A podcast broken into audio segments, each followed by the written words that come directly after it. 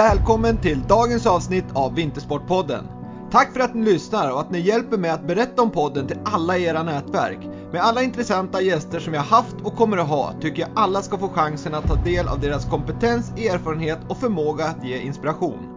Så följ Vintersportpodden där poddar finns så ni får ett meddelande när ett nytt avsnitt är publiceras och naturligtvis följ Vintersportpodden på Instagram för att få relevant information om vad som är på gång och inspiration. Varmt välkommen till Vintersportpodden. Detta avsnitt är i samarbete med Brooks, The Running Company. Brooks grundades 1914 och har stor kunskap om hur skor ska byggas för att ge absolut bästa löpupplevelse oavsett löpstil, erfarenhet eller anatomi. Jag har löpt med Brooks kontinuerligt ett år nu och har aldrig haft bättre skor. Jag har skor som passar min nivå och alla underlag.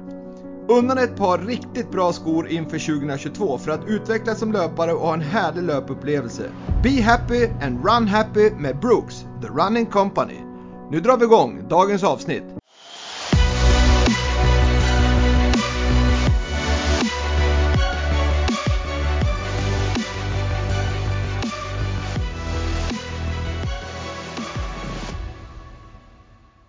Dagens gäst i Vintersportpodden, mannen med längst meritlista inom hockeyn och som varit stor del i ett av Sveriges populäraste landslag, Tre Kronors framgångar. Den levande legenden och före detta materialförvaltaren för Tre Kronor, Anders Pudding Weiderståhl. Varmt välkommen till Vintersportpodden Pudding! Tackar, tackar! Trevligt! Ja, riktigt kul ska det bli att snacka med dig för jag tror ingen idrottsledare skulle jag tro, vågar jag säga, har så mycket story som dig att berätta. Men även ska det bli kul att verkligen få bilden av vilken betydelse en roll som materialare har för alla framgångar som Tre Kronor har tagit genom åren. Ja, det är väl vi som har den största betydelsen. Nej, jag bara skojar.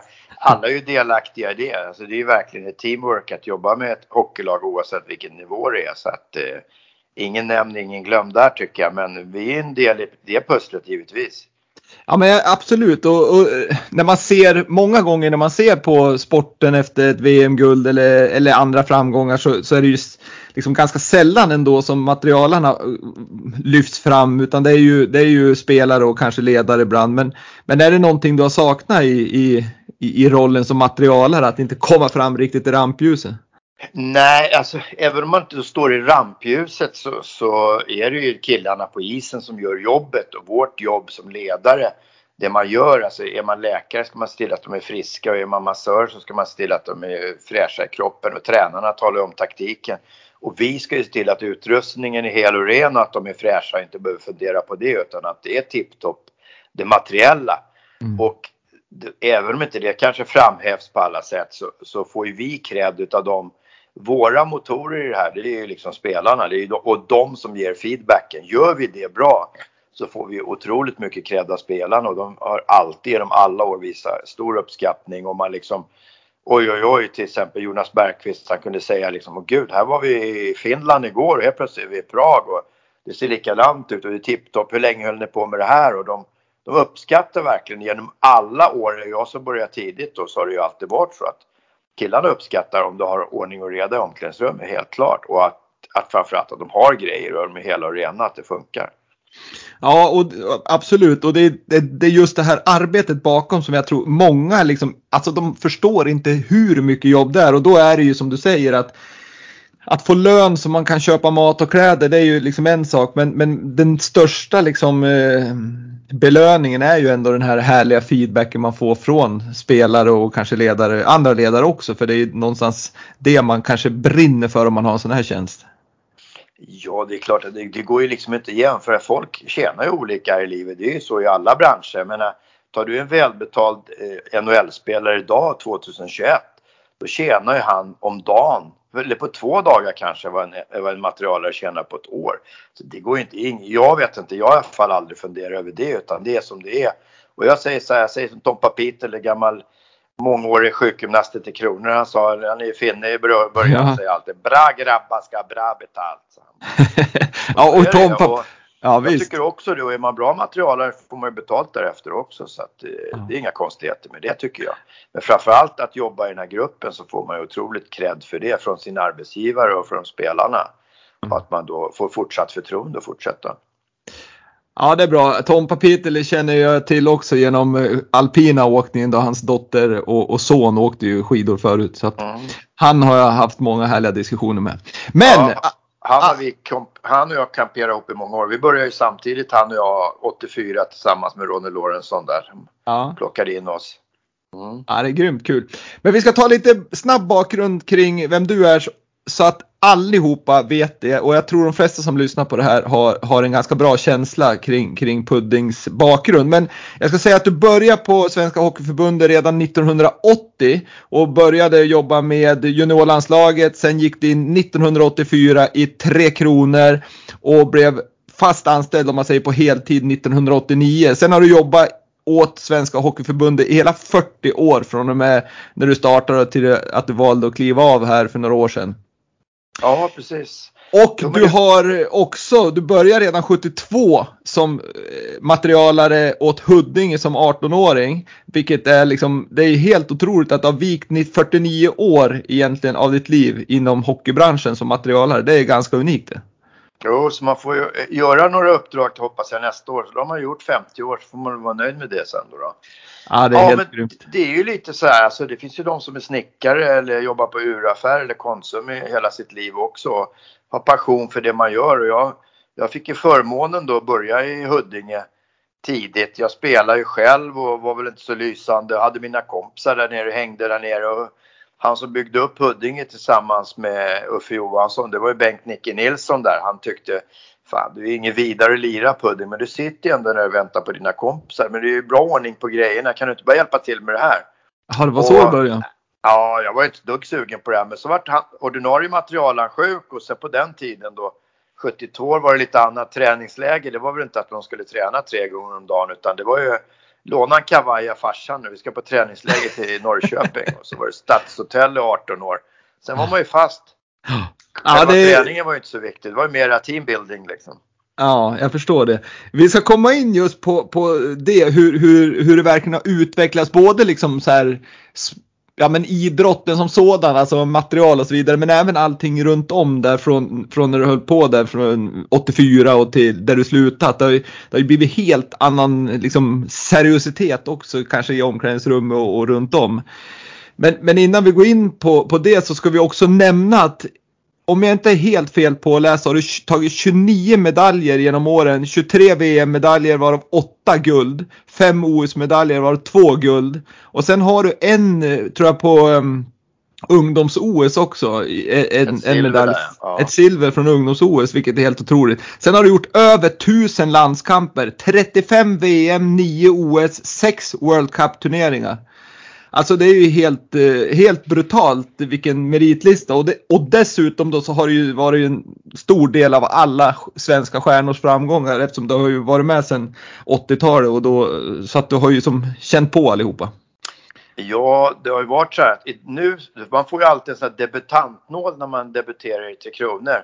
Och det var ju något år sedan här jag tog reda på det då gick jag in och kollade när, när jag började då 84. I april 84 började jag efter OS då i Sarajevo. Då hade man Sweden Hockey Games i och då när man delade ut debutantnålarna då var det någonstans på 500 eller någonting sånt där tror jag det var. Och då var det Micke Granberg, en speedig kille från Skellefteå som fick och Jonny Strid, en rapp kille från Brynäs mm. som fick debutantnålarna.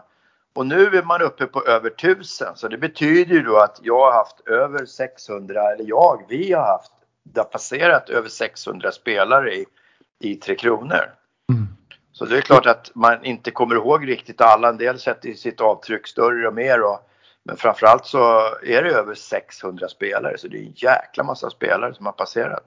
Ja vilken, eh, gud vad himla roligt att spe, Dels att träffa så jättemycket olika människor som dessutom har sån enorm passion för det man gör. Det måste ju vara, det är ju en stor skillnad om man säger från ett vanligt jobb där inte alla drivs av passionen utan det är ju mer lönen den 25 som är intressant. Så att det måste ju vara en jäkla förmån att få jobba med sådana människor. Ja men dels som du säger, det har ju varit 35 VM och de har varit på olika platser. Det har varit de där nio OS har varit på olika platser. Och det har varit olika människor men det, den röda tråden har ju varit att de här killarna kan ju väcka mitt i natten att, att det är träning. De, de, de, de, liksom, de har det här i sig. De klunchar vem som ska hämta kaffe och dricka. De brottas i hissen. De, det är en stor gemenskap alltså hela tiden.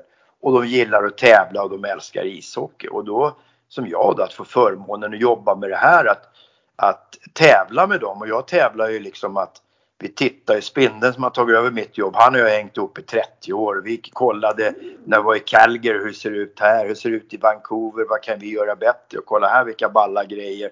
Vi försöker hänga med på vårt så att säga att utveckla vår sida samtidigt som, som spelarna utvecklar sin träning och sitt sätt att spela. Så det går ja, liksom stick i stäv. Ja, men det har varit verkligen så hela tiden att, att försöka jaga saker som kan, ni kan göra effektivare och bättre för, för att liksom skapa den liksom försprånget gentemot konkurrenterna. Jo, det tycker jag så här att det har ju varit så med, med allting tycker jag liksom med tränarna. Jag menar fan, det går ju inte att jämföra med, med hur man tränar tidigare och all den, dessa hjälpmedel som finns med video, paddor till allihop, målvakterna egna paddor och Lade ställer upp en till varje målvakt och tränarna likadant. Det finns på teckningar, det finns på allting. Men när jag började med Tre Kronor stod det med svarta tavlan och ritade lite. Checkerna ser rätt bra ut i powerplay ungefär. Vad står det? Någon som hade åkt och tittat på dem. Och så började det komma lite video då på 80-talet. Men menar, det går inte, idag är det ju, du kan ju se varenda spelares byte och ja, det är en enorm skillnad alltså. Ja, verkligen. Vi, vi, ska gå in på det. Men innan det så, så är det säkert väldigt många som, som undrar att varför det kallas för just pudding. Och där har jag också eh, lyckats gräva fram att det var typ när det var fem år som din grann, granne började kalla det för pudding. Av, sjöng någon ramsa åt eller vad det var. Jäkla research du har gjort. Ja, men det är för att man är lång och smal och tjockt hår. Nej, tvärtom. Man är lite för tjock eller på. Men, ja, men det började så här att vi hade en granne. Vi var ett gäng där vi växte upp. var ju ungar i min ålder och när man var 5-6 år. Det var ju massor. Eh, och vi spelade landhockey och fotboll och så var vi inne hos en granne. Han hette Tony Sten den där killen. Vart målvakt sedermera i Huddinges A-lag. Och hans mamma hon sjöng alltid en visa. Anders Panders puddingpastej seglar jorden runt med en tjej. Och det tyckte ju alla var skitkul. Och sen började man i plugget och då liksom Anders Weiderståhl, vem är det? Ja men det är han Pudding där och sen skulle man spela hockey eller brännboll eller vad det nu var i skolan. Så, ja, alla kallade han för Pudding och det var väl okej okay, men liksom är man 67 år, nu är det ganska kul att vara en pudding när man är 67 mm, år. verkligen. Det är inte så ofta då, många som är det. Nej, men det var det har härlig... hängt i. Nu är det ja, bara härlig... som säger Anders och frun. Ja, okej. Okay. De, de, ja, du har inte fått dem att köra pudding än? Nej, alltså. barnen. Nej. Ja. Men eh, rolig historia och, och, bra att få veta varför. Jag funderar faktiskt på vart pudding kommer ifrån så det var ju kul att få reda på. Men du, hur är du som person då? Jag tänker liksom i min värld att ska man hålla koll på ett helt liksom förbund och, och du har 500 kvadratmeters liksom förråd där du ska förvara liksom tröjor och sponsorgrejer som kommer in och det är skridskor och klubbor som ska beställas och så vidare. Är du grymt pedant eller? Men jag både och. Jag är pedant men det, det där man måste vara pedant. Det säger min fru också. Nu, ligger, nu är det inte pedant sen. Nu är inte snörena lika långa på skorna längre. Eller handdukarna inte viktäckta. Då tycker jag då kan jag lägga lite kläder i en hög hemma sådär. Och innan jag viker in grejer och sådär. Men jag tycker att när man är ute på hockey, det är liksom lite mer privat. Sen när jag är ute med hockey, då kopplar jag på mera. Jag kan eh, förbese saker, att det inte behöver vara på ett visst sätt. Så på något. Och jag har insett att man kan inte förutse allt som händer här i livet. Så att, men däremot mitt jobb så har det blivit så, Spindeln och jag driver det hårt. Vi vill att det ska vara på ett visst sätt. Att killarna ska liksom inte, vi vill inte lämna någonting åt slumpen. Vi vill, vi vill ha, ha det på ett visst sätt. Mm. Oavsett vilka, det är ju inte, men de stora turneringarna så var det oftast Anders Kellerstam, han som har tagit över efter mig, han och jag som åkte. Och, och han var liksom chefen då för själva omklädningsrummet. Sen stod ju jag för alla inköp, alla beställningar, allt sånt där i och med att han jobbade i ett klubblag då. Mm. Men vi var ju väldigt noga med att det skulle vara på ett visst sätt och det, det, det tycker jag är viktigt. Det är, det är samma med spelarna, de vill ju att det ska vara, de tränar ju på ett visst sätt och förbereder sig på ett visst sätt och samma vi. Men du, du säger beställningar, hur, hur, hur mycket beställningar? För jag tänker spelarna har väl med sig sina egna skydd och de har väl bara överdrag på byxor och sånt där. Men, men är det ni som står för klubbor eller har de egna klubbor med sig och så vidare? I, idag, det var ju så här att när jag började med det här då, då tog man med sig sex stycken. Då tog de med sig lite klubbor som de hade. Så hade man lite klubbor i reserv när jag började 1980.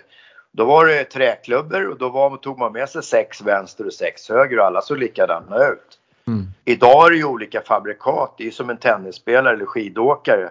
Klubborna idag som används i SHL och NHL, de kommer ju med namn på det. En viss sorts flex, alltså en styvhet i skaftet. Bladet ser ut precis som den här killen vill ha och så vinkel, laj, alltså på hur den mm. ser ut. Det är ju helt eh, anpassat efter individen och handskar kan vara långa och korta fingrar och alltså förut satte alla på sig en handske och det stod liksom äkta hästhud på den här. Det räckte i tre år. Det var tjockt som attan var och tunga var de på liksom, om du går tillbaka till 70 80-tal. Idag håller ju på hockeyhandskar någon månad. Sen är det liksom, de är så lätta, det är så tunt skinn och så i dem och mycket an, annat konstmaterial liksom. Mm. Men, men, men får, när de blir uttagen i Tre Kronor, får de, får de eh, liksom fylla i en lista med storlekar och eh, vad de nu ska ha? Ja, liksom? det gör det. Det samlar vi på så att säga. Och till VM då, då är det alltid nya tröjor. Då tar man storlekar då på byxor och tröjor och damask och, sånt och alla kläder och overaller och allting sånt där. Och sen är det ju idag är det ju åtta landslag i Hockeyförbundet. Det är ju fem juniorlandslag, ett flicklag och ett damlag och Tre Kronor. Och alla de ska ha hjälmar och tröjor, gula och blå och träningströjor och damasker. Och alla ska ha tejper, alla ska ha schampo. Och grejen är att man ska göra samma grejer för en landskamp eller två landskamper. Spelar man ett VM och ska spela tio landskamper så är det i stort sett samma saker men det är ju mängden som, som ökar. Mm. Och det är det som är då, som den här veckan nu när, då hade du Spindeln nu sex landslag som sticker ut. Då gäller det verkligen att ha grejer hemma. Det är det som är svåra att planera så att säga. Sen när allting kommer hem ska det tvättas och ska det ut nu till i december här igen. Ja. ja vilken, vilken... Eh, så det är jäkla logistik och sen är det packa och skriva proformer, tullhandlingar och skicka ja. grejer i förväg. Och sånt skötte du då? Vad sa du? Sånt var det du som höll i liksom? Ja, det är mycket sånt och sen tar man ju hjälp av fraktbolaget då. De är ju proffs på det där så man ska alltid ta hjälp av dem som är proffs på sin, sin det ja, man, man ska göra det man är bra på. Men det, det, det, är då man förstår att det krävs ju lite grann med så mycket liksom, logistik och det är utland och det är exporter och hej och hå. Så man tänker liksom, ja men det är bara en match, men vad gör han imorgon då? Ja men det är då liksom mycket av jobbet börjar. Att jo du ska men mycket är ju så här emellan och det är ju folk som har sagt till mig då, vad gör du mellan turneringarna? Men då är det ju liksom det är andra kupper, det är förbereda för TV-puck som vi är ansvariga för på Hockeyförbundet. Det, det är läger, det är utveckling, det är kurser, det är ena med det tredje. Och sen ska det planeras och ska skickas grejerna i förväg och sådana grejer. Så det, det är verkligen ett heltidsjobb, verkligen. Och när jag började så fanns det ju bara, då fanns det yngre juniorlandslag, äldre, Tre Kronor och Vikingar. Mm. Det fanns ju fyra lag, idag har vi åtta så det har blivit dubbelt så stor verksamhet. Och vi hade ingen verksamhet från maj till augusti i stort sett. Idag, nu rullar det ju på med utvecklingsavdelningen, de gör inget annat än hitta på grejer där uppe. Så.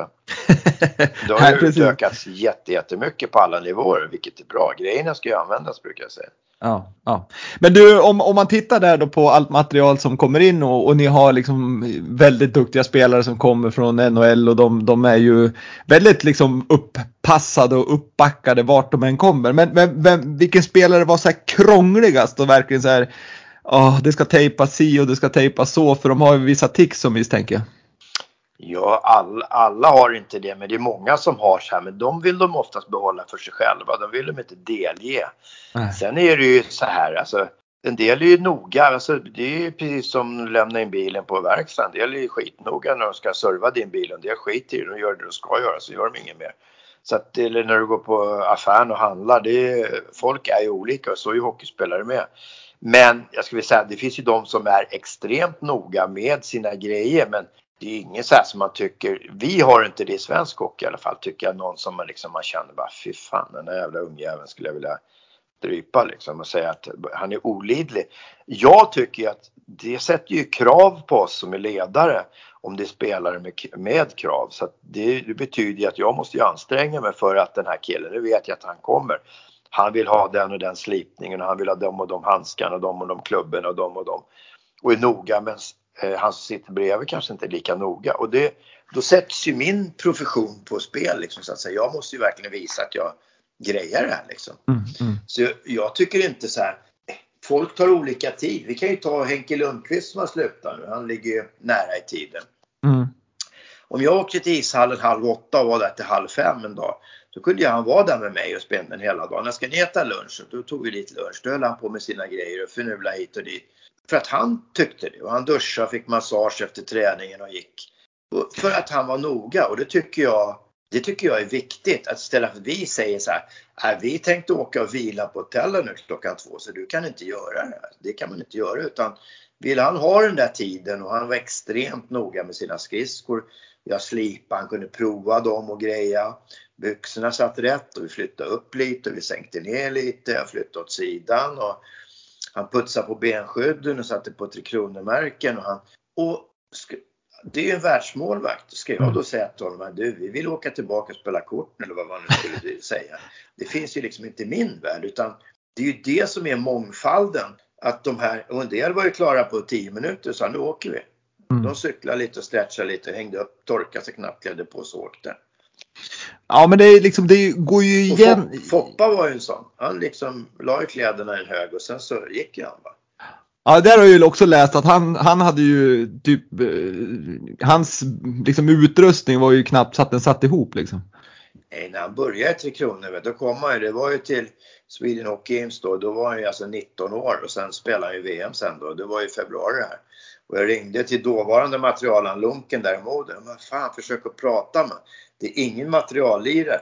Det kommer några klubbor och trasiga handskar och trasiga grejer och skridskorna var jättedåliga. Och sen då när han kom med till VM då sa han måste köra in nya skridskor liksom. Nej, de här duger liksom. Han körde ju bara på liksom. Och, mm. liksom han kom ju duschen och knappt torkade sig och klädde på sig därifrån. Det var inte så noga liksom. Ska jag slipa? Nej, vad tycker du sa han till mig. Liksom, alltså en del de synar i sina skridskor och torkar och grejer. Så det är verkligen olika, men han var ju rätt bra ändå tycker jag.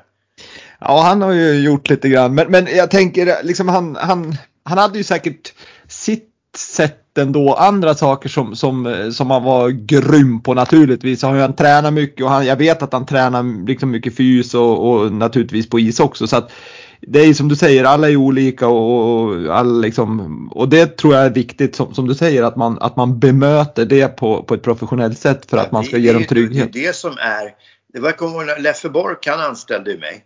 Det var mm. hans första, en av hans första frågor så säger han till mig så här, du Pudding, om du står och slipar Tommy Albelins skridskor som var junis då, han var 20 år och började komma med i landslaget, spelade juniorlandslaget, var ny i Djurgården. Börje Salming kommer in med sina skridskor. Lägger du ifrån dig Tommy Albelins skridskor och börjar slipa Börje Salmings skridskor? Nej, nej, nej. Det är ju absolut inte så. Då slipar jag färdigt Tommy Albelins skridskor och säger till Börje, du får lägga dina skridskor där. Ja, det var rätt svar tyckte han. Mm. Och jag tror, ja, ingen har sagt det, men jag tror så här att jag försöker gå runt och prata med killarna när jag var med och, och säga så här. Och man märkte ju de här som kanske inte sa så mycket och var nya att man la lite extra tid på dem. Tjena, säg bara till grabbar om det är någonting. Ni vet att ni kan komma till oss om det är någonting med materialet. Det är Spindeln och jag finns här liksom. Kom till oss. Mm. Då gjorde de det och jag tror att det, det, behövs väldigt små gester mot att man inte säger någonting. Man kan inte bara jobba med de som liksom säger något, som har krav hela tiden, utan det gäller att jobba med hela gruppen. Liksom. Ja, och dessutom som du säger att det var de kanske de nya som, som ja, men är lite blyg och, och, behöver kanske lite extra stöd också som, som, som du gav den där till. Det tror jag gav en väldig trygghet kanske. Ja, jag tror det. För då kände de så här, okej, okay, då är det inga, han har själv sagt det här att det är bara att komma till mig. Hur känns det nu? Hur, de kanske inte varit med. Så de här killarna som varit med förut, de hade sin hjälm med nummer på sina byxor. Ja, här har du liksom Törnberg dina brallor eller vem det nu må vara. Va? Och Linus Omark, här har du din hjälm och handskar som du hade förra gången. Och så. Så kom det någon ny kille, liksom 20-21 år och sa kan jag prova handskar och så här. Det liksom, gäller att lägga lite tid på dem också att de får prova ut det där. Ja, verkligen. Men och alla så... får inte för sig, även om de är liksom eh, fostrade grupp och de är kompisar och sådär så är det ju inte så här kanske helt lätt att bara få chansen i Tre Kronor och de, de har press på sig själva och de vill göra det bra ifrån sig. Och då vill de kanske inte börja och tjata på massören och kasta sig upp där och säga att liksom först att få massage eller först till att plocka ut overaller eller hjälmar och handskar så att säga. Och då gäller det att visa att man alla ska ha handskar, alla ska ha byxor, alla ska få massage och alla ska få hjälp. Liksom. Mm, mm. Ja, verkligen. Men just den frågan då, såg du dig själv som en ledare liksom för hela gruppen tillsammans med ledarteam eller, eller hade du verkligen en sån här, ja men jag är materialare, jag, jag tar inte hand om liksom gruppen på, på ett ledar, med en ledarroll liksom? Ja, men det, det, det, det tycker jag för att det är tyvärr så när jag hållit lite föredrag förr i tiden för materialare då kunde materialare säga så här till mig, nej du får prata med han för jag är bara materialare. Och när jag liksom inkluderar då min yrkeskår, för det är ändå en yrkeskår, alltså idag består ju ledare av en jäkla massa olika eh, befogenheter och olika uppgifter. Och då tycker jag så att när jag höll de här föredragen, ni ska aldrig förringa er egen insats. Jag är bara en farsa som hjälper till, eller jag kallar mig materialare. Ni är jätteviktiga och ni gör det ni gör, ska ni göra jätteproffsigt och ni ska utveckla ett arbete. Ni får aldrig be om ursäkt för att ni är materialare. Det har varit lite så, här, men jag är bara materialare. Utan man är verkligen en del i gruppen och alla behövs. Liksom. Ja men verkligen. För, för, när man pratar, eller när man pratar, när man, när, ja det har jag också gjort. Jag har ju pratat med, med spelare som du har varit materialförvaltare åt och, och, och ledare om jag säger så. Men, men även då när man har lyssnat på många spelare på, på vid intervjuer när de har frågat om dig så, så känns det som att du har haft en, ja naturligtvis en ledarroll, men lite om jag ska kalla det psykolog eller trivsel trivselroll också, att de har kunnat komma och prata med om allting liksom? Ja, jag hoppas att de har känt så för att det, det har ju varit min välmening så att säga.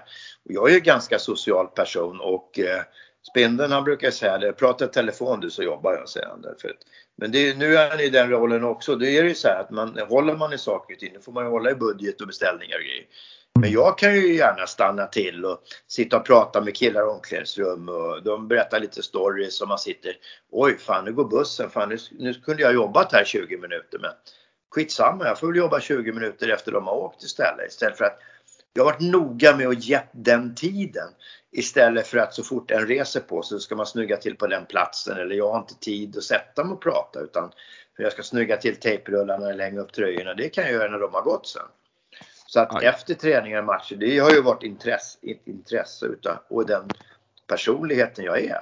Mm. Och att, att lära känna spelarna ordentligt och vara en del av gemenskapen. Och när jag började en gång i tiden då var ju killarna lika gamla som mig. Jag menar jag var 30 år när jag började och Håkan Loob och de här var liksom 24 så att det var inte så stor skillnad. Och Håkan Södergren de, de var ju jämngamla med mig, Kenta Nilsson och de här.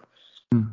Men hur var det då? då? Kändes det liksom naturligt eller blev det konstigt att man hade liksom samma, ja, samma ålder eller man ska Nej, säga? det var ju såklart lättare. Jag menar, nu var ju för fan eh, de farsorna jag hade i Tre Kronor på 80-talet, nu är deras söner i Tre Kronor. Ja. Nu kan man ju vara morfar åt dem men det är ju inget negativt så. Men så man kanske inte umgås på samma sätt. Men man kan fortfarande ge samma service oavsett hur gammal man är. Och man kan fortfarande visa uppskattning och pusha dem och peppa dem. Mm man bryr sig om dem och gör bra jobb. Absolut. Så för mig har den här, den här det har ju varit hela grejen för mig genom året att jag brukar, eller genom åren att, att få, fan, det vet jag Jörgen Jönsson sa så här till mig, vad fan, det verkar som ni har längtat efter oss när man kommer till det. Ja, vad fan, jag tänker på det, fan man går i Färjestad här varje dag och liksom du är samma ledare och allting och det är jättegoda gubbar. Men när ni kommer, det känns som, nu har vi inte träffats på en månad eller två, så det är som ni har längtat efter honom. Det har vi gjort. Och vi längtar efter er också, sa han. Och det var ju liksom ett bra värdemätare när en sån kille som Jörgen säger att Fan, vi längtar också efter er. Det är kul att komma till er och vi busar med dem och drar lite stories. Och, ja, men verkligen. Och så återigen. Bara träningar och matcher. Nej men precis och det tror jag är så himla viktigt just i den här Ja men precis, liksom i hela, att allihopa har sin roll och med er kanske de kunde prata på ett sätt och med förbundskaptenen var det något annat och, och med massören var det något tredje. Så att jag tror nog att för att man ska prestera så är ju trivsel och, och liksom trygghet och, och, eh, ja men allting ska funka jäkligt viktigt. För det tror jag man går miste om många gånger att det, att man, precis som du säger, att man, man ta inte de här tio minuterna och prata med någon och sitter ner i lugn och ro och bara liksom lyssna på någon. Det, det, det tror jag kanske eh, många går bet på. Ja, alltså det, det är ju alla, alla har ju sina roller. Det är jätteviktigt och det är ju likadant. Eh, jag har en sån episod också som Leffe Bork sa till mig. Han sa så här. Pudding, om inte du är med fan då kommer vi inte ens till Arlanda. Men när jag är borta, det är ingen jävel som saknar mig. Så. Ja, ja, det är Jag härligt. får inte ut och grejerna till Arlanda en gång, sa han.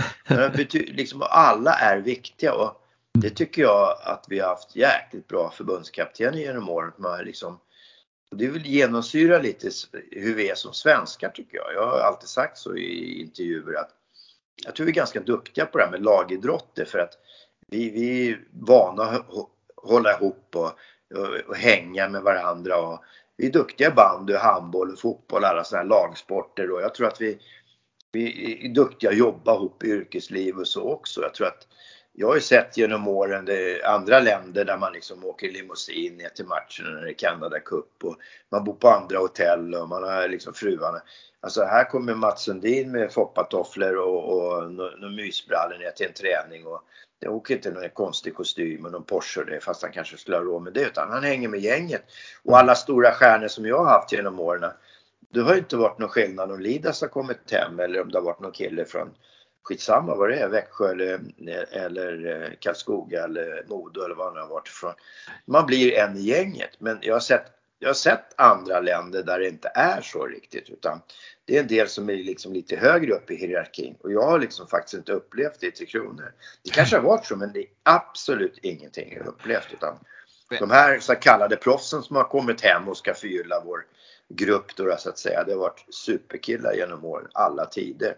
Och då killarna sätter fram emot, för fan Alfredsson kommer och den och den kommer och Frasse kommer och Zäta kommer och Lidas kommer och Salo kommer. Det har liksom varit mottagits jävligt positivt.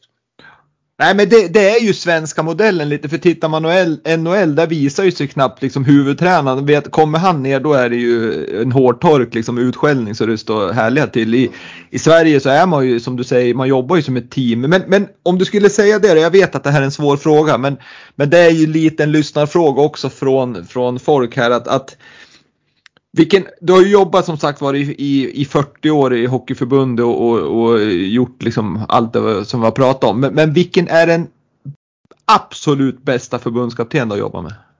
Oj, alltså. Ja.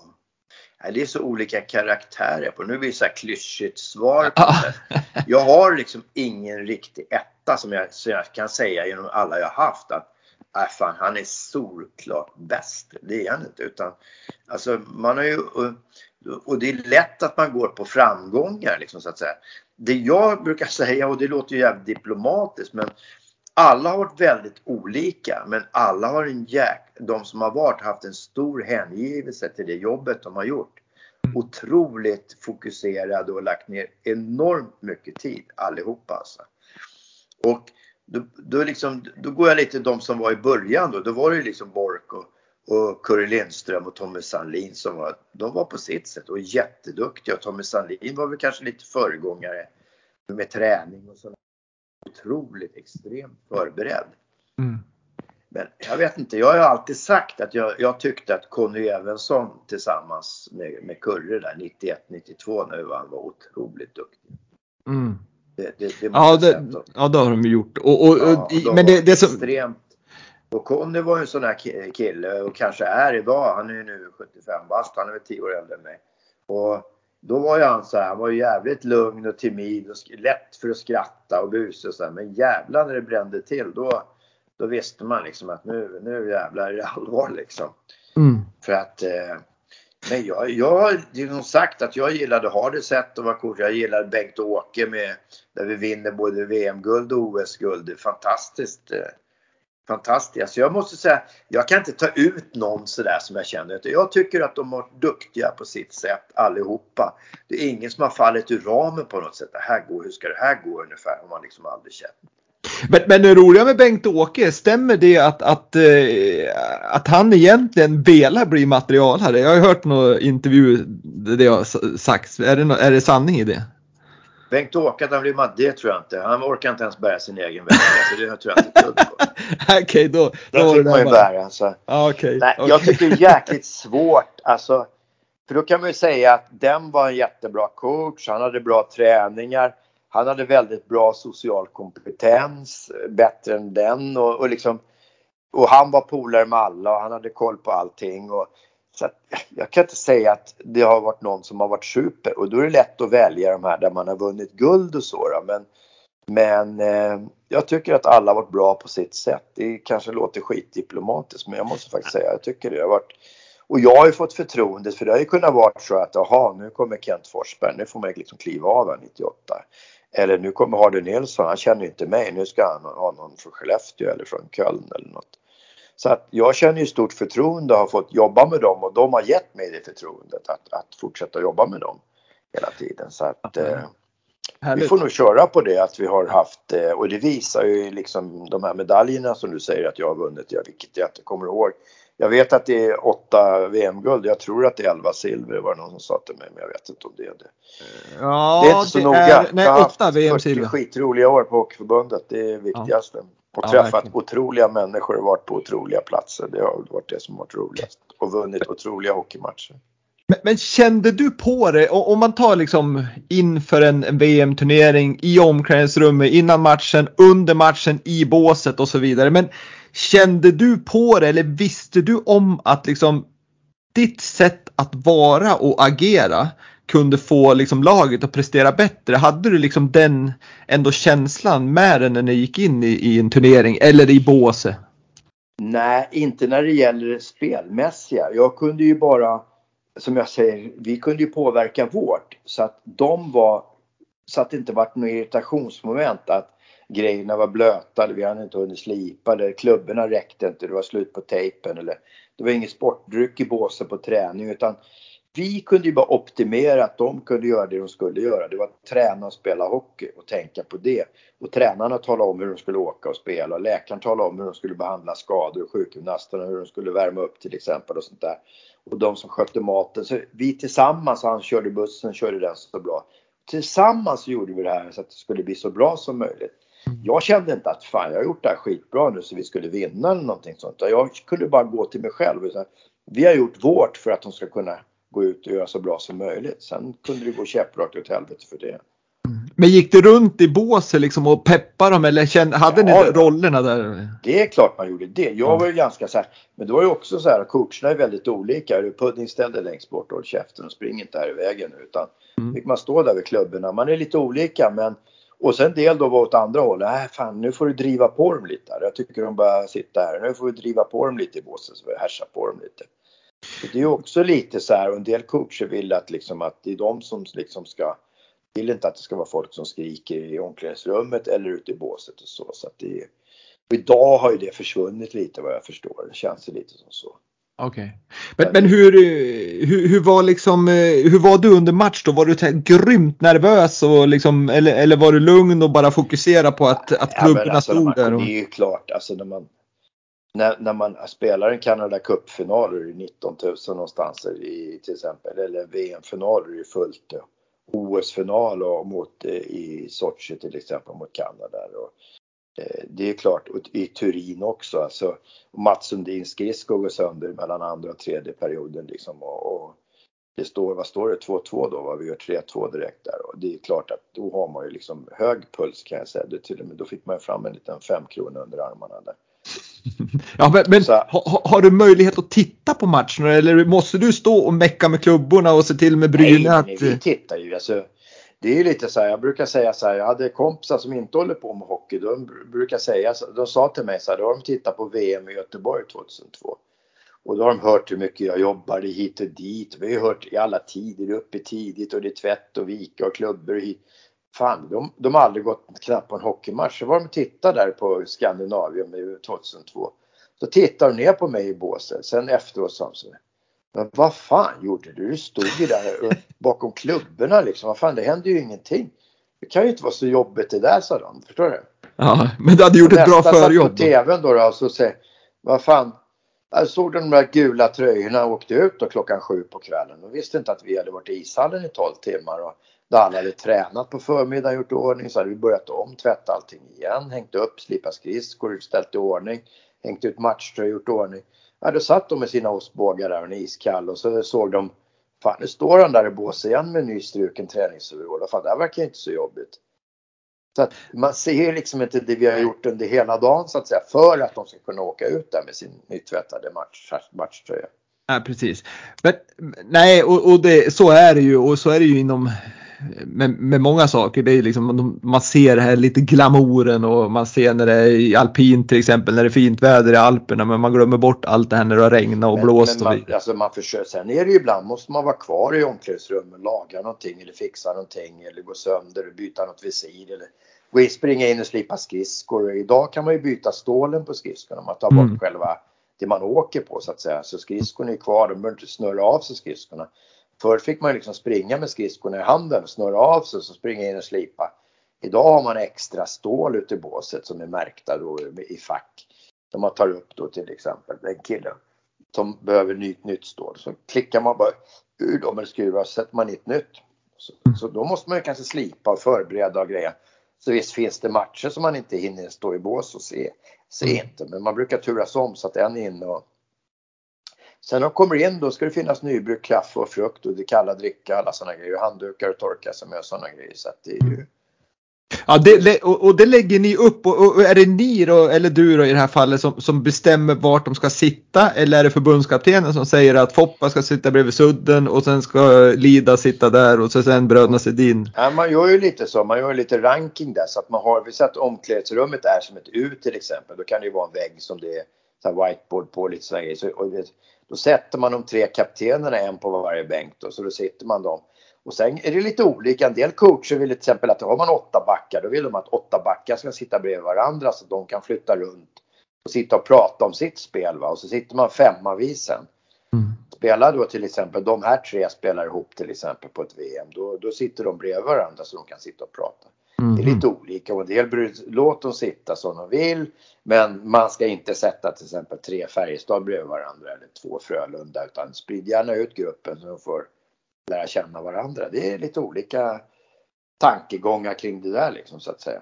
Mm. Ja men det fick du reda på innan och så sen var ja, det bara liksom att leverera upp. Men, men, men hur, um, Eh, Eh, jag tänker på eh, just i omklädningsrummet som du sa att du ska in, du ska ha kaffe klart, det ska fram bananer, det ska fram nå, kanske några ja, några energigrejer så att de ska ha i, i pausen och så vidare. Men, men här har du ju förmodligen, vi pratar om hur det har förändrats över tid. När du började 80 till 2019 så har det ju blivit väldigt stor eh, skillnad. Jag menar på 80-talet, ja då kanske det var till och med någon som gick in och tog en cigg på, på toaletten medan 2019 så är alla tokseriös liksom verkligen så här. Ja, det finns ju inte ens, jag, jag, har läst någonstans om att ni hade snusburkar till och med i omklädningsrummet på 80-talet där, där, alla gick och, och, tog snus ur, en, liksom, ur samma liksom, låda. Men, men skulle man göra det nu så skulle ju förmodligen både smittskyddsläkaren och eran läkare komma och ge er smiss på fingrarna va?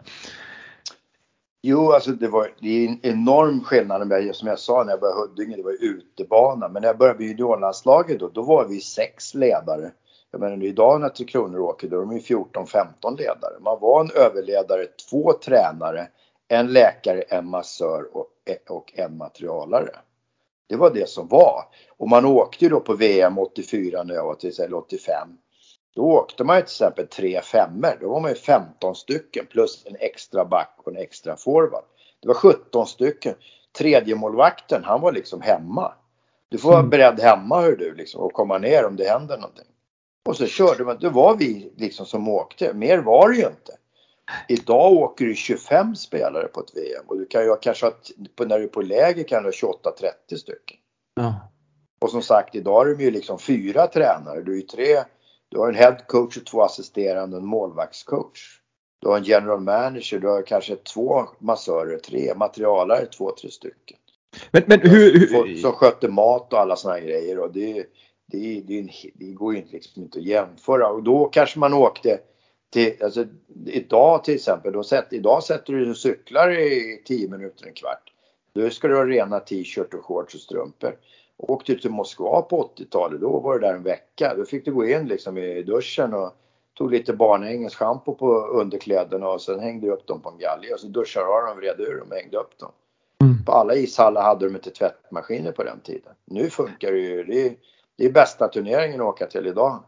2021 att åka till Moskva. Det är kanonfina ishallar och mm. tipptopp är det Ja men precis, men, men sen måste ju du ha sett en jävla stor skillnad. För jag menar, tittar du spelarna på 80-talet där som, vi vet ju till exempel en sån som Pekka Lindmark som var en fantastisk målvakt. Men, men han, han, han lever ju inte förmodligen som Henke Lundqvist gör rent... Eh, Nej, vad ska han var precis tvärtom. Han, han klädde av sig grejerna och då hade man ju så här bruna benskydd fyllda med hästtagel.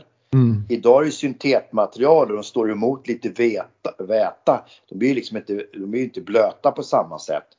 De här vart ju dyngsura, det var mycket mer snö på isen. De vägde ju hur mycket som helst, korta, tjocka. Och plock och stöt var ju likadana. Armvästen, det var ju som något filt så Han la allting på golvet. Och sen när jag hängde upp det, då vart Pekka sur på mig för han tyckte liksom, de blir så stel så. Låt dem ligga där, så helst skulle handduken ligga över också. Det luktar och så gott. kanske han hade två, tre klubbor. Det gjorde det. var ju träklubbor. Det hade lossnat flisor och grejer. Sandpapera lite där och sådär. Körde med samma grejer. Det var, innehanden var trasig. Det var, liksom, det var ju absolut ingen materiallirare så. Men en sån fruktansvärt skicklig och killarna kunde komma till mig och säga Fan, han känns inte riktigt tänd ut. Lugn nu Dick. Det är match ikväll som gäller, sa Thomas Rönnqvist. Då kommer han ta allt. Och han tog vända puck, spika igen. Men då på morgonen då stod han lite så här med klubban ovanför isen och tog dem han ville liksom. Det var någon som sköt för högt och skrek han håll ner puckarna. Det var någon som sköt på honom. Ja, då stod de i sån jäkla galler, den här lampskärmen, och stod de i och hade ju inte alls samma skydd och grejer. Nej, visst. Och det är faktiskt en rolig episod med Pekka när vi vann VM-guldet där 87 så, så skulle Tommy Sandlin ha genomgång grejen för någon match där och, och det var väl semin tror jag att det var. Och så undrade var är Pekka någonstans? Limp, Limpan, vad är det? Så de kallade honom för Limpan ibland eller Pekka. Och ingen visste. Jag stod så här, det var en liten korridor ut så att jargongtidsrummet var längre in. Stod jag och där var det en liten toalett till vänster så att jag tänkte vad fasiken är han? Såg jag det pös lite under toadörren där så jag tog min skruvmejsel och öppnade dörren. Och då var det en liten toa så när man satt på toalettstolen så var ju handfatet precis framför. Och satt Pekka fullt påklädd på toalettstolen med locken nere. Och så satt han med masken upp i pannan och fällt upp så gallret var upp i pannan och hjälmen i nacken. Och så hade han en cigg inne. Och det, fan stäng dörren med pudding! Vad fan är det Pekka? Han måste ta ett par blåst i tjeckerna. ja det skulle se ut nu. Det var Så att då var, då fanns det ju då, det var ju så i Huddinge också, det, när på 70-talet, det var ju någon som tog någon cigg då och då. Ja, då var det säkert. Ja, där får man ju se. Där har det blivit en, en stor liksom, utveckling. Nu, nu är det ju liksom en annan. Skulle någon sitta och röka på toan nu innan då skulle förmodligen hela, alla kvällstidningar vara fullproppad med. Men jag tyckte liksom så här. Alltså man, man eh, liksom, jag hörde bröderna, bröderna Abrahamsson när de kom. De åkte ju eh, Volvo Duett till träningarna. Hade någon gammal Duett de hade och sådana här Jofa-jackor och trädojor året runt. Och, t-shirt 20 grader kallt. Och, jag menar, man, man, som man tränar på 70 80-talet. Det liksom, och spela, det går ju inte att jämföra idag. Jag menar, ta då, då åkte folk Volvo Amazon och någon gammal Saab V4 och Fiat och allt vad som fan. Idag åker ju Tesla och det, oavsett bilar så är det elbilar. Och man tränar på ett helt annat sätt, äter på ett annat sätt, förbereder sig på ett annat sätt. Alltså det är ju, hela samhället har ju utvecklats och det vore ju konstigt om inte liksom sättet att spela ishockey på gjorde det också. Mm. Och vi som jobbar runt omkring måste ju hänga med det. Vi kan ju inte bara, även om vi gamlingar säger att det var bättre förr, det var kanske lite roligare. Det är jäkla allvar i allting just nu. Så. Men jag tänker på just det då, liksom du, du säger själv där och när du berättar så låter det nästan som att ni hade kanske lite roligare sådär men jag tänker allting har ju utvecklats. Det har ju blivit som extremt. Skridskorna är ju stenhård, klubborna är ju av kompositmaterial slipmaskinerna. Förut stod ni liksom och körde fram och tillbaks för hand. Nu sätter ni dem i en, i en maskin som man programmerar som en dator. Men, men tycker du själv att yrket har blivit liksom tråkigare så jämfört med när du stod och gjorde mer manuellt och det var lite mer, vad ska jag säga, pudding som gjorde det än en dator? Nej, jag tycker så här, jag tycker det är jätteviktigt för det tycker jag faktiskt inte. Även om jag tycker mera då, då som är, det som är synd, det är ju då att att jag tror att det är så i klubblagshockeyn och i landslagshockeyn. Jag menar vi var ju 15 samma. Det var ju alltid Håkan Loob och Thomas Rundqvist och Thomas Eriksson från Djurgården back. Håkan Sögren, Lasse Molin, Uffe Samuelsson. Det var ju samma killar. Och det var ju lite så i klubbarna också tidigare. Idag är det ju på något sätt ledarna som består och spelarna kommer och går som attan. Så vi var ju oftast samma. Det var ju 12-15 stycken hela tiden. Jag tror att idag tror jag att, jag vet Pelle Mård sa till mig, han hade använt 60 spelare till Kronor ett år. Jag vet inte hur många Garpen han använde förra året men det är ju in och ut, det är mycket, det är en sån spridning i gruppen så att säga med spelare och de hinner ju bara etablera sig och knappt det i Tre Kronor. De kanske gör ett bra junior-VM 18 och J20 och sen är de borta. De hinner inte ens kommit upp till Tre Kronor så är de ju borta i NHL i Nordamerika till exempel eller KL. Så men, det är men, mer det som är lite synd. Sen tycker jag det skulle ju kännas konstigt om jag jobbade likadant som jag gjorde 1995 som jag skulle göra idag. De har liksom inte följt med. Utan det är ju viktigt tycker jag att vi liksom också är pålästa. Jag menar, tänk om coacherna stod och sa att du tittar ju på video istället för på iPads eller vi, vi gör inte det. Eller man, det, är liksom, det gäller ju för alla att följa med så att säga. Det är det som är utveckling. Mm. Ja, det är Men härligt att höra. Alla, alla grävde i samma korv så att säga och drack samma. Idag är folk nog, man, man har eget tycke på det här med mat och hur man vill förbereda sig för matcher och träningar. Och man gör mera individuellt. Förut skulle alla springa 8 kilometer på, på sommarträning. Alla skulle lyfta lika, alla skulle göra lika. Det har liksom blivit lite mer individuellt anpassat. Vad behöver jag göra? Vad behöver jag? Jag behöver träna upp bålen. Jag behöver bli snabbare, jag behöver bli starkare. Det har blivit en, samtidigt så fort, fortfarande en lagsport så har det blivit liksom mer individuellt. Och det har det blivit med materialet också. Jag vill ha den hjälmen, jag vill ha de handskarna. Jag vill att klubban ska se ut så, jag vill ha den här slipningen. Istället för att förut var ju alla, de hade ingen aning, slipa ungefär sa de till mig. Det är väl inte så kul. Idag är det roligare med kille säger att så här vill jag ha det. Ja, då, då, är det liksom eh, åkyta och skål och, och hade Ja, och radio hur den ska se ut och profilen. Ja, ja. Det är roligare att det är folk som liksom, tycker jag, vill någonting så att säga med sitt eh, yrkesutövande. Ja, vilken jäkla, vad, vad härligt att höra just det där att man, jag gillar verkligen din utvecklingsvilja, det, det tycker jag känns grymt bra. Men jag tänker på vi har pratat, liksom, du har kört de här 40 åren, du har varit otroligt framgångsrik, omtyckt, du har velat utveckla, vilket är liksom en styrka då, i din roll naturligtvis, att man hänger med. Men har du, har du aldrig under de här åren fått en fråga typ från NHL eller SHL-klubb liksom att, att, att de ska försöka värva För jag menar de här duktiga spelarna du har haft, Peter Forsberg, Mats Sundin, Börje Salming och allt vad de nu heter. De måste ju ha liksom tipsa sina föreningar om dig kanske där över i, i Nordamerika? N när jag började då i juniorlandslaget och sen när jag började med Tre Kronor så hade jag faktiskt anbud några år faktiskt mm. för, fått förfrågningar och eh, det hade jag flera, flera stycken från SHL-klubbar. Även från Schweiz hade jag ett par tre gånger. Från Lugano och från Davos och lite sådana grejer. Och 1997 så ringde faktiskt Torontos materialare mig och det var ju klart Mats Sundin som hade legat bakom det. Mm. Så då var jag faktiskt sex veckor och jobbade åt Toronto Maple Leafs och mm. gjorde sex stycken träningsmatcher där. För då skulle han som är head equipment manager, Brian Papineau som är kvar där fortfarande. Då skulle han bli pappa för första gången och då frågar de ju klart på kansliet du, vi har hur många materialare som helst i Toronto, vi har 300 ishallar, hur många lag som helst. Varför ska vi ta en, en materialare från Sverige?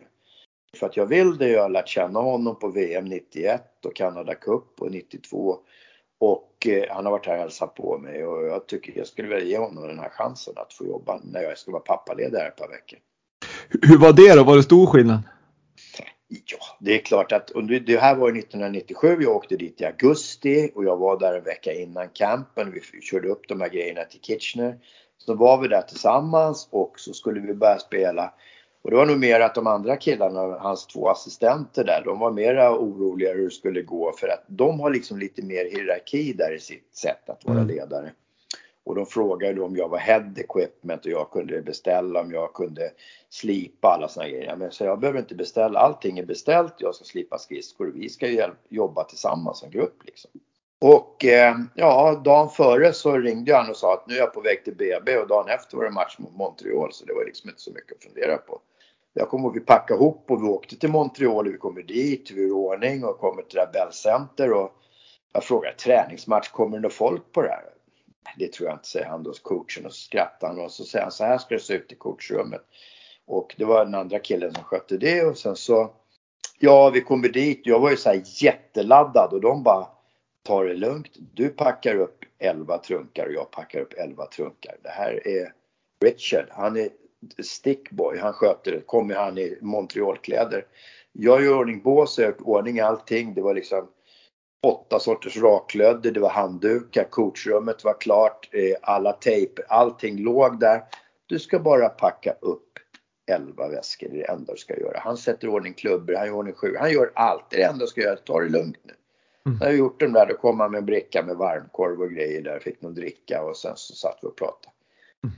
Pudding, vi har 84 matcher om året, det går inte att ha ihjäl sig första träningsmatchen. Så här är det. Så att det är en enorm service som man tar hand om. Det var en kille som möter, då sa han så här. Skulle du vilja landa i New York? Så? För nästa match var i New York. Och då har jag faktiskt gå tillbaka till det. På kvällen där då så då har en, din viktigaste uppgift, där måste man gå över isen. Då sa han så här, du måste leda mig över isen. För jag har nya finskor på mig så inte jag halkar och ramlar. Då ledde jag coachen över isen där så stod jag i Toronto-kläder och grejer där och sen så då klart nedsläpp klassiska lag, Toronto, Montreal. Och efter matchen så kommer jag ihåg han från, fortfarande sitter i TV4, jag är väl äldre än mig här, Roffe Porseryd. Kom dit och gjorde en intervju med mig och säger, det måste vara den första svenska materialen i NHL? Ja, vad jag vet så är det väl det, så. Och sen på kvällen flög vi hem och det står liksom husbilar utanför det här där vi hade träningsanläggningen. Och de tältade husbilar, husvagnar och skulle möta laget när de kom hem efter en träningsmatch. Så det var ju liksom ett snäpp större än man var med om och sen så mötte vi Montreal hemma. Sen var vi i Detroit. Och sen hemma och borta och så var vi New York Rangers hemma och borta. Det var en lite rolig grej där. För när vi var i Detroit då stod jag i båset och så står jag med Toronto kläder där och gör ordning klubborna. Så kommer de upp och ut på värmningen. Då kommer Lidas och Thomas Holmström. Men vars fan gör du här då? säger Holmström. Fan säger Lida. Vad gör du? Äh, jag missade slutspelet förra året, måste göra någonting. Du är inte klok, säger Och skrattar till mig. Och, äh, så stod jag där och det lite, var en lite rolig grej för att när vi åkte dit då. Och då landar man ju på plattan där som vanligt. Flygplanet landar. Så kommer ut en skåpbil med Red Wings eh, emblemet och allting. Lastar direkt ifrån bandet. Och så kommer så här gränspolisen då och säger att ja, ni ska gå in genom tullen och så får ni hoppa på bilen utanför. Och då säger jag, genom, genom tullen? Jag har inget pass med mig. Det har jag på mitt hotellrum. Har du inget pass med dig? Vad fan, du har ju flugit från Kanada till USA. Jag har inget pass. De bara, upp med den där porten på den där rider-trucken och med Detroit, då sa Detroit-killen så här. Då kastade han bort 10 trunkar. Så fick jag lägga mig där. Så kastade han på 10 trunkar. Och så åkte bilen genom tullen och de gick runt, visade sina pass och hoppade in. Spelade vi matchen och vann. Och så gjorde vi likadant när vi skulle hem igen. Fick äta en liten pizza där efteråt. Så fick jag kasta mig under alla trunkar. Hoppas de inte kommer in nu med hundar och grejer i början här och letar efter något. De brukar inte göra det. Och jag kommer ihåg, jag var helt sjöblöt i svett. Jätteorolig. Men jag kom hem till Toronto i alla fall. Ja, vilken jäkla story. Jag förstår att du har, du har många men, stories. Men de sex matcherna och sen, sen mötte de Washington borta första matchen och sen åkte jag hem. Men det är klart, det är ju ett jätteminne för livet att se verkligen hur man jobbar i NHL. Och jätteväl mottagen av både spelare och ledare. och tog med en ut och käka och liksom varit hembjuden. Och det var en fantastisk, fantastisk upplevelse. Och där var det så att jag fick förfrågan om om jag var intresserad av att fortsätta. Men då kände jag så här att det har dykt upp, där kommer förfrågningar från KL och sådär också. Men då kände jag att jag har inte varit beredd att liksom släpa med mig familjen och sådana grejer. Och det har ju mest varit lösa förfrågningar. Men, men det här från Schweiz och NHL, eller SHL, det har ju varit seriöst från några klubbar. Men jag, men man... jag har värderat det här så mycket att jag har känt en sån stolthet att få vara med Tre Kronor och jobba åt Hockeyförbundet och de människorna som jobbar där och har det här drivet för de här landslagen. Så att när jag väl, det kan ju tycka så här, äh, fy fan det här ska jag hoppa på. Men sen när jag väl ska bestämma mig, då har jag vägt in alla för och nackdelar. Då har jag känt så här, men fan det är det här jag vill göra liksom. Ja, jag förstår ju också det, för är som du säger, det är en stor ära att få representera Tre Kronor och, och som, liksom, att få träffa alla de här. Det, det, är ju, och dessutom då hade du familjen hemma här så, så att det är ju ja, det är klart att att eh, det har jag ju stor förståelse för. Men genom alla de här åren då Pudding, eh, skulle du kunna liksom om man skulle väva in det här på något vänster, men, men skulle du kunna säga din drömfemma? Genom alla de här 40 åren, vilka fem spelare skulle du plocka ut då? Och då kanske det inte bara är de bästa, men de som har liksom betytt mycket för, för laget även i omklädningsrummet, för det finns ju sådana spelare också. Herregud, som jag sa i inledningen så sa jag att det hade passerat 600 spelare. Så ja. tycker du att jag ska ta ut en promille, fem av dem. Om jag skulle få göra fem femmor, det vore väl något. Men alltså spontant så här, det, det är ju gemene man har varit ungefär samma lirare som jag. Vi, vi har ju några som har varit liksom lite frontfigurer för Tre Kronor under de här 90-talet, 2000-talet som jag har hållit på det här. Och, eh, och det är ju självklart Henke Lundqvist tycker jag som alltid har varit duktig vid de turneringarna har varit. Men jag skulle även vilja säga så att en sån kille som alltid kom hem och var duktig och, men som hamnade, tycker jag, fick lite oförtjänt mycket skit. Det var ju Tommy Salo. Men alla andra gånger som han alltid kom hem och ringde och sa det spelar ingen roll när vi åker, jag kommer direkt när vi blir uttagen tagen pudding. Jag hade bra kontakt med han. Och jag tycker han var otroligt duktig, men det har man liksom inte nämnt. Men Salo var duktig, Söderström var duktig, Ridder. Jag tycker vi har ju haft fantastiska målvakter. Men ska jag ta en, då måste jag ändå säga att Henke Lundqvist har väl varit den som har varit världsartisten. Och sen skulle jag nog vilja säga, vi har många backar men det, självklart kan man inte lämna Börje Salming utanför och inte Lidas tycker jag. Det är jättesvårt. Ja, verkligen. Jag skulle kunna säga lika många till, liksom fyra, fem till som har betytt jättemycket. Men... Och sen måste jag ju säga då tycker jag att eh, Mats Sundin och Peter Forsberg måste ju ha med. Sen tycker jag bröderna Sedin, Matte Näslund, Håkan Loob, alltså det finns ju Jonas Bergqvist, inhemska killar som har betytt innan vi fick de här riktigt, riktigt stora NHL-killarna som har betytt mycket också. Henrik Zetterberg, bröderna Sedin var ju kanonkillar och jobbade bra för gruppen. Och, nej, vi har haft så jäkla många, det är helt omöjligt att säga. Men måste jag säga några, då säger jag ju Alfredsson och, och vad heter det, Sudden och Foppa. Jag förstår det, det är inte helt oväntat. Men jag tänker på en annan person som har betytt jäkligt mycket tror jag för laget som sådant eh, gjort jäkligt många landskamper och, och spelat i Sverige nästan hela tiden förutom något år. Och som troligtvis har eh, den eh, schysstaste eh, målgesten. Jag vet inte om du vet, förstår vem jag menar? Men det är propellern Bergqvist. Ja, exakt. Han, han måste ju ändå ha betytt, dels var han ju duktig spelare men han, han, han var ju en ledare som sådant i omklädningsrummet också va? Ja men absolut. Alltså det jag säger, det är lätt att glömma de där killarna som han och Jörgen Jönsson och många av de här som alltid ställde upp. Men som var inte de här riktiga NHL-stjärnorna. Men det, vi har ju massor med sådana som, som, som, som så att säga var inhemska spelare. Och kanske var i NHL och provade, det var ju Jörgen också. Men, men Berka och Jörgen och många av de här, de var ju jättebetydelsefulla då för 40 kronor, absolut. Och ja, grymt! så betyder ju då så var det ju det liksom de här NHL-killarna de kom ju bara hem och spelade VM eller OS eller World Cup. De andra körde ju de andra fyra, fem turneringarna som var under och var jätteviktiga då så att säga.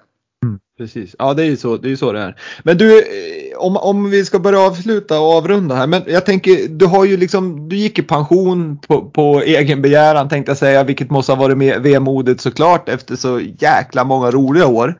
Men, men jag vet att du har fortsatt lite grann inom hockeyn. Dels som, som någon form av eh, mentor inom förbundet men även att du är med och stöttar NHL-spelarna som, som är hemma och tränar på sommaren i Sverige. Ja men alltså, det är ju lite så. Och det, det här är ju kompisar till mig som är jämngamla mig, lite äldre till mig. Det är de som har sagt till mig så här att man ska alltid ta beslutet själv för de känner kom jag har bekanta då som har fått sluta sina anställningar, inte inom ishockey men andra professioner då där, där de har blivit väldigt ledsna och nedstämda och det har tagit lång tid för dem att komma över det, att inte vara älskad och behövd på sitt arbete eller känna att man är, kanske man inte har någon identitet. Och jag kände ju så här, varför, jag skulle kunna köra till det bitter end och Tommy Bostedt som var chef då sa han att eh, vi, vi tar in hjälp på det, är det inte kul? Jo det är jättekul. Men jag vill ta det här beslutet och det är viktigt för mig att ta beslutet själv. Och jag är ju ändå 65 år, så att säga 65-66 år när jag tar det här beslutet. Och då, då känns det bra att jag slutar. Och då får jag inget uppdrag, då har jag verkligen tagit rätt beslut. För då tänker de så här, äntligen slutar den där gubben. och som du säger, de här äldre killarna, jag vill bli ihågkommen som att Håkan Loob och Jonas Bergqvist och de här killarna jag började med, Håkan Södergren och Molla, alla de här, tycker att fan, det jag gjorde var någonting bra och jag, de tyckte jag var en duktig materialare. Jag vill inte bli ihågkommen som han som körde tre år för länge och inte orkar bära in trunkan eller fan vad dåligt han slipar eller trött jävel och grinig igen också. Det, det känns inte så kul efter 35 år. Därför så tog jag det här beslutet och då har jag fått förmånen faktiskt måste jag säga att eh, få rycka in lite på förbundet. Jag fick åka någon vecka förra året när spindeln hade ont i ryggen. Jag fick vara med på något läger. Jag jobbade med Team Service, man är ansvarig för alla lag att de får uppbackning då på Beijer Hockey Games. Jag hjälpte till med lite kläder och lite sådana grejer. Plus att jag fick fortsätta det som jag startade 1999. Det här med Team Pudding kallas det ju då. Det är våra kära NHL-proffs som bor i Stockholm då som inte kan ta plats för unga killar i sina klubblag utan och det har ju blivit mer och mer genom åren. Det kör vi i Segertorps ishall under 4-5 veckor. Ah, fasiken vad kul! Och det har ju då, det var ju Mats Sundin och Micke Nylander och Mattias Nordström och de här killarna som gick i bräschen för det. För att de inte kunde köra då med Djurgården och AIK. Då åkte de runt, då var några på Stora Mossen, några Huddinge överallt. Så. och då får de det här mest elementära. De får lite dricka och frukt och slippa lite skridskor. Men framförallt slipper de komma hem med trunken till någon liten lägenhet någonstans. De får lämna kvar den. Så det kör jag vidare på. Det är Patrik Hörnqvist och Gabbe Landeskog där som går lite i bräschen för det där och eh, de vill gärna att jag fortsätter och de får väl säga till när jag inte är önskvärd längre så att säga. Ja, det tror jag. Det dröjer nog längre Pudding. Jag är otroligt säker på att, att du kommer vara efterfrågad så länge du vill och kan. Jag har faktiskt börjat ett nytt uppdrag i år faktiskt. Jaha. Jag har börjat jobba med Djurgården och något som heter kundhockey. Aha. Där de har sponsorer blivande som sponsorer och även sådana som inte är sponsorer som bara vill komma och spela ishockey på eftermiddagen där. Då gör vi ordning, då är det full, full karuta, allting. Det är ett vitt lag kanske 15 stycken och ett blått lag 15 stycken med hjälm och allting handa, oh, tillhandahåller Djurgården. Vad kul! Då är det ordning det och så får de spela match då. Det är företagshockey då, kundhockey kallas det. Ja. Spelar de hockey drygt en timme och sen så oftast är det i samband med Djurgårdens hemmamatcher då. Så går de upp och äter där och tittar lite på Djurgården. Ja, vilket så bra det har jag blivit headhuntad till då, till kundhockeyn där tillsammans med en kille som heter Ludde som har gjort det i massor med år. Som är rutinerad. Så får jag vara med där och assistera lite. Det är jättetrevligt. Ja, verkligen. Det måste Det vara är ju den miljön som jag gillar. Och ingen jävel på slipa men en jävel på snacka. Nej, men grymt att höra. Du, jag har egentligen två frågor kvar som, är, som du kan besvara kort. Den ena är lite svårare naturligtvis efter, efter så många år. Men kan du, kan du trots allt så många, många minnen, kan du säga det bästa minnet du har från den här tiden? Oj, det bästa minnet. Ja, det, det mest jag måste säga faktiskt, jag tror, jag har tänkt på det här flera gånger, ju mer och mer jag tänker på det så är det faktiskt OS-guldet där i Turin 2006 när Z, Lidas och de här och Sudden och ah, de här äldre garder som hade krigat så jävla hårt. Och jag visste att de var så jäkla sugna och får det här OS-guldet, det, det, måste jag säga. Och när vi kommer hem och de och får ledigt från sina NHL-klubbar, de fixar och grejer. Och vi ordnar en lagmiddag där alla ska vara på innan vi skiljs åt liksom. Mm. Och där, där Sudden och Zäta och Henke Lund de säger det här momentet kommer aldrig hända. Det här laget kommer aldrig samlas igen. Det vi har gjort grabbar, det är historia. Nu ska vi sitta här. Vi ska äta lite gott, dricka lite gott. Sen sprids vi för vinden och så kommer vi aldrig ses igen på samma sätt. Så jag vill att vi njuter det här tillsammans.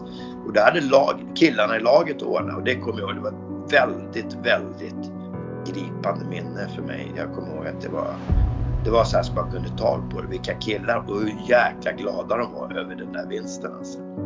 Den, den, en sån kväll vill man aldrig ska ta slut misstänker jag. Nej, och just det där. Och sen var de ju som travhästar efteråt. Kan vi sticka nu ungefär? Så skulle de träffa sina tjejer och ut på stan. hej och hå då. Så att, men då fick vi ändå den här någon timme tillsammans där och det, det kommer jag ihåg att det var en sån där Sen har man ju massor. Men jag, jag tar det om jag ska ta en. Ja, grymt. Då har jag bara en fråga kvar innan vi ska avsluta det här härliga avsnittet och den ställer jag till allihopa som är med på exakt samma vis och den är så här. Kan du säga en framgångsfaktor för att lyckas med idrott? Passion. Du är inte först och inte sist som säger det Pudding. Det, det, är ganska många men det har du beskrivit också dels med spelarna men även med ledarna att eh, någonting gemensamt har haft så, så sa du ju var just passionen. Även Passion och ambition och så vill jag, vill jag utvecklas oavsett och så att du aldrig förringar din egen arbetsinsats.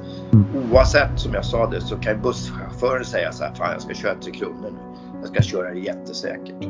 Man kan göra alltid saker och ting bättre. Det är ambition och passion. Helt underbart att få prata med dig i över en timme och jag lovar att vi skulle kunna sitta i tio timmar till och höra på dina härliga historier. Men, men jag, Wille Bylin och Vintersportpodden tackar dig Anders Pudding Weiderstor för att du har varit med i podden och naturligtvis så tackar dig för alla de här härliga åren och att du har varit en del av framgångarna men även önskar dig lycka till då med, med både eh, NHL-spelarna men även då Djurgården Hockeys eh, kundhockey här. Det, det, ska bli kul att se hur det går. Vi får väl se om vi får en ny podd och följa upp de ja, casen. Ja. Tack men ett själv. stort tack. Tack för att jag fick vara med. Ja, superkul verkligen. Ha det så gott och lycka till. Detsamma. Tack, tack. Tack. tack. Hej, hej.